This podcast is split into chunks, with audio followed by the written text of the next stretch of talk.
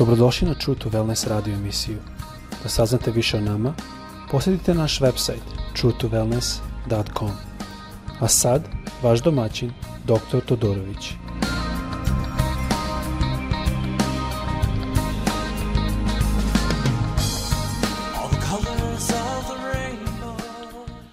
Dobar dan, pozdravljam vas sve iz Floride.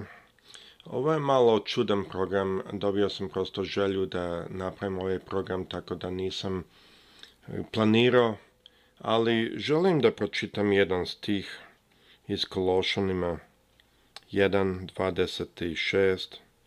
Ta poruka je bila tajna sakrivena od pređašnjih vekova i pokoljenja, ali je sada otkrivena Božem narodu.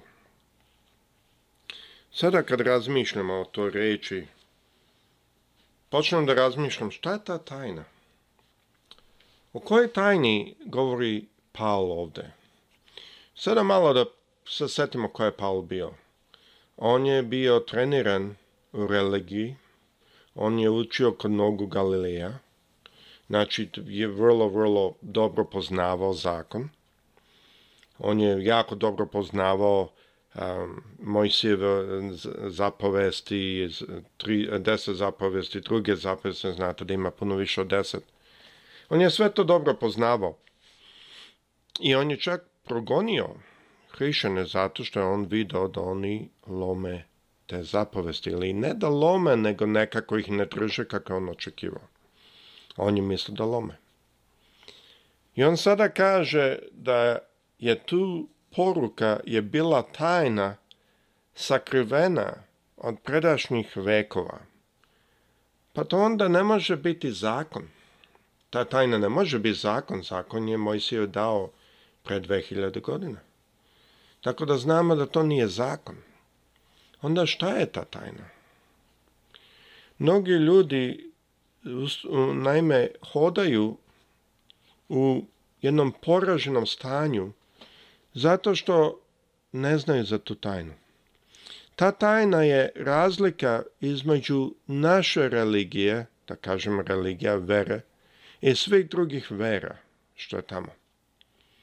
To je jedna stvar što moramo razumjeti. Isus kaže da zakon i proroci su do Jovana. Znači, sada zakon i proroci ne više ne, pripadaju? Pa nije baš. Zato što kad su njemu došli, Hristu, kad su došli, kad je došao mladi dečko, šta mu je Hrist rekao? Drži se zapovesti. Zato, zato moramo se pitati o čemu se ovdje radi? Neki ljudi su otišli daleko i rekli da stari zavet uopšte ne, možemo, ne trebamo ni čitati, da to nama ne pripada, ali to nije što Biblija govori.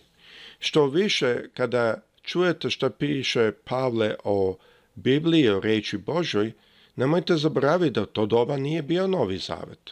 Samo je bio stari. I kad je on objašnjavao i iznosio reč Božju, on je iznosio iz starog zaveta. Znači, to nije isto. O čemu se onda ovdje radi? Jer on svakako nam pokazuje da ovdje ima neka sila, da ovdje ima neka tajna. Ako čitamo u Filipljanima, treća glava, deseti stih kaže da bih upoznao njega i silu njegovog vaskrsenja i sudjelovao u njegovim patnjama, nalikujući njegovim, njemu u njegovoj smrti. Znači, da bi upoznao silu njegovog vaskrsenja, o čemu on ovdje govori? Ako pročitamo malo ranije, vidjet ćemo da kaže i sa njime se našao nemajući svoje pravednosti od vršenja zakona, nego pravednost koja je u, sa verom u Hristu stiče, pravednost od Boga. Znači moram imati ipak pravednost, ali ovdje on govori ne, ne raditi po zakonu. Znate šta, mnogo puta mi kada slušamo ovo, mi kažemo pa zašto nama ne pripada zakon, mi nemamo žrtvi ovjeno.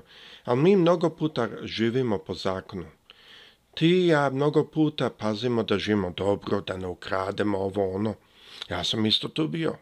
Ja i dan danas normalno ne idem okolo da kradem i tako. Ali, toko sam pazio na tve, sve te ja sam zaboravio prvo zapovest. Ljubi gospoda svojega svim srcem svojim, svom dušom svojim, svom, svojim bićem svojim. Param tako mi na engleskom. Što to znači?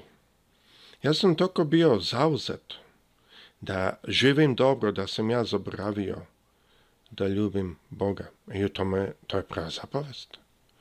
Mnogo puta mislim da među nama mnogi se bore da drže zakon.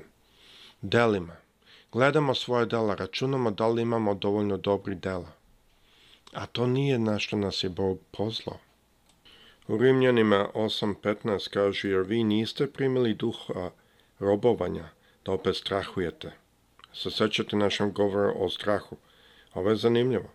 Nego duha usinanja, usinovljanja, čim posrem vapimo ava oče. Ovo je zanimljivo meni jer zašto ovdje kaže vi niste primili duha robovanja? Koji je to duh robovanja? Ako želite to malo ispitati, pročitajte u Galačinima četvrta glava, a zadnje stikove tamo da piše o dva e, zaveta što su napravljeni, jedan na Sinaju od e, rob, sa strane roba, a druge sa strane slobodne. E, to ćete vidjeti da je to u stvari zakon. I to je zanimljivo zato što Isus kaže da prve, to je da ljubimo Boga i da ljubimo jedan drugog, tu Isus kaže da se ispunjava sav zakon i proroci. A zakon sam po sebi najviše se upravlja kroz strah. A Isus kaže da zakon ispunjava ljubav, pa kako to bude? Vidite, u tome je stvar. Kad mi vozimo po ulici, instrument ili mekanizam zakona je strah.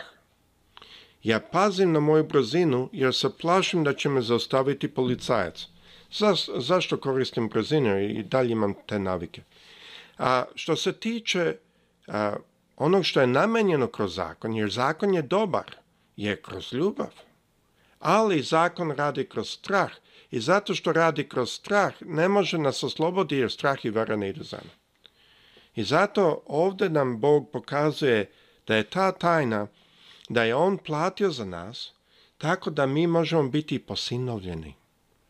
Jedan put si ti posinovljen, jedan mi kažem na engleskom adapted, znači adapcija put e, čovjek prođe kroz adapciju, on pripada toj familiji.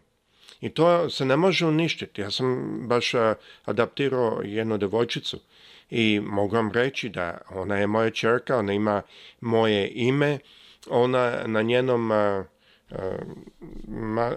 papiru iz matične knjige rođeni, kako mi kod nas rekli, moje ime je kao njen otac. Ona ima pravo, ona ima moje prezime, sve.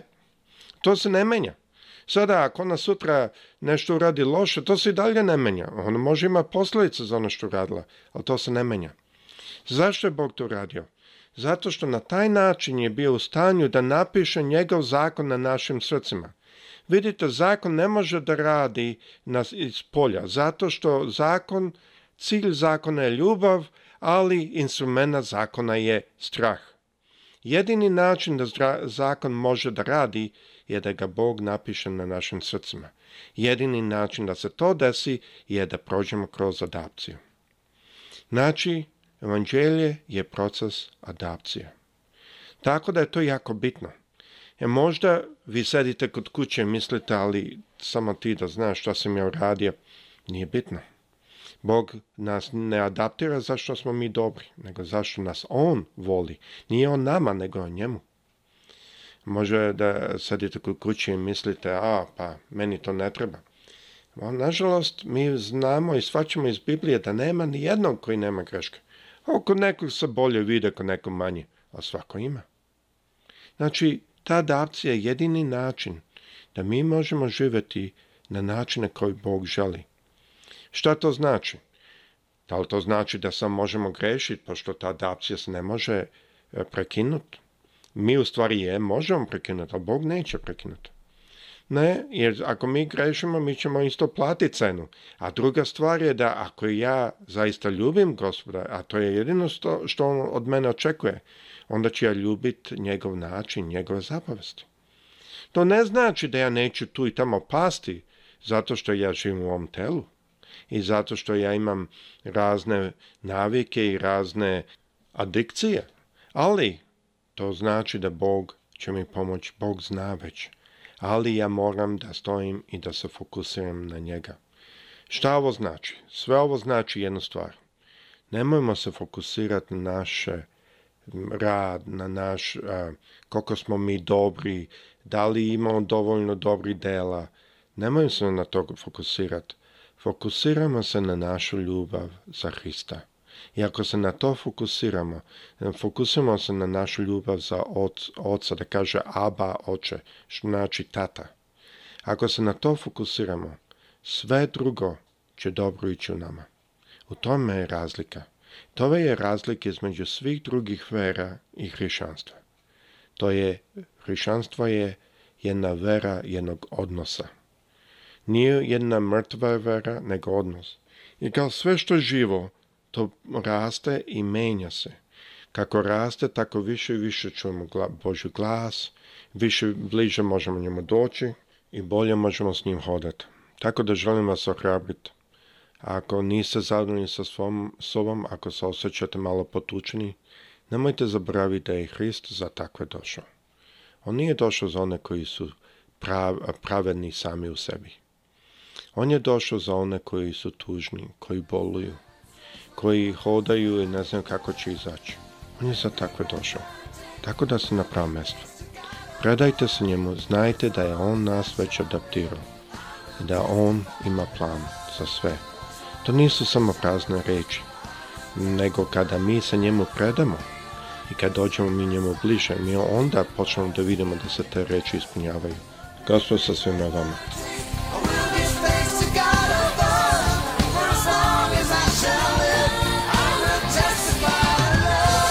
Slušajte True to Wellness radio emisiju.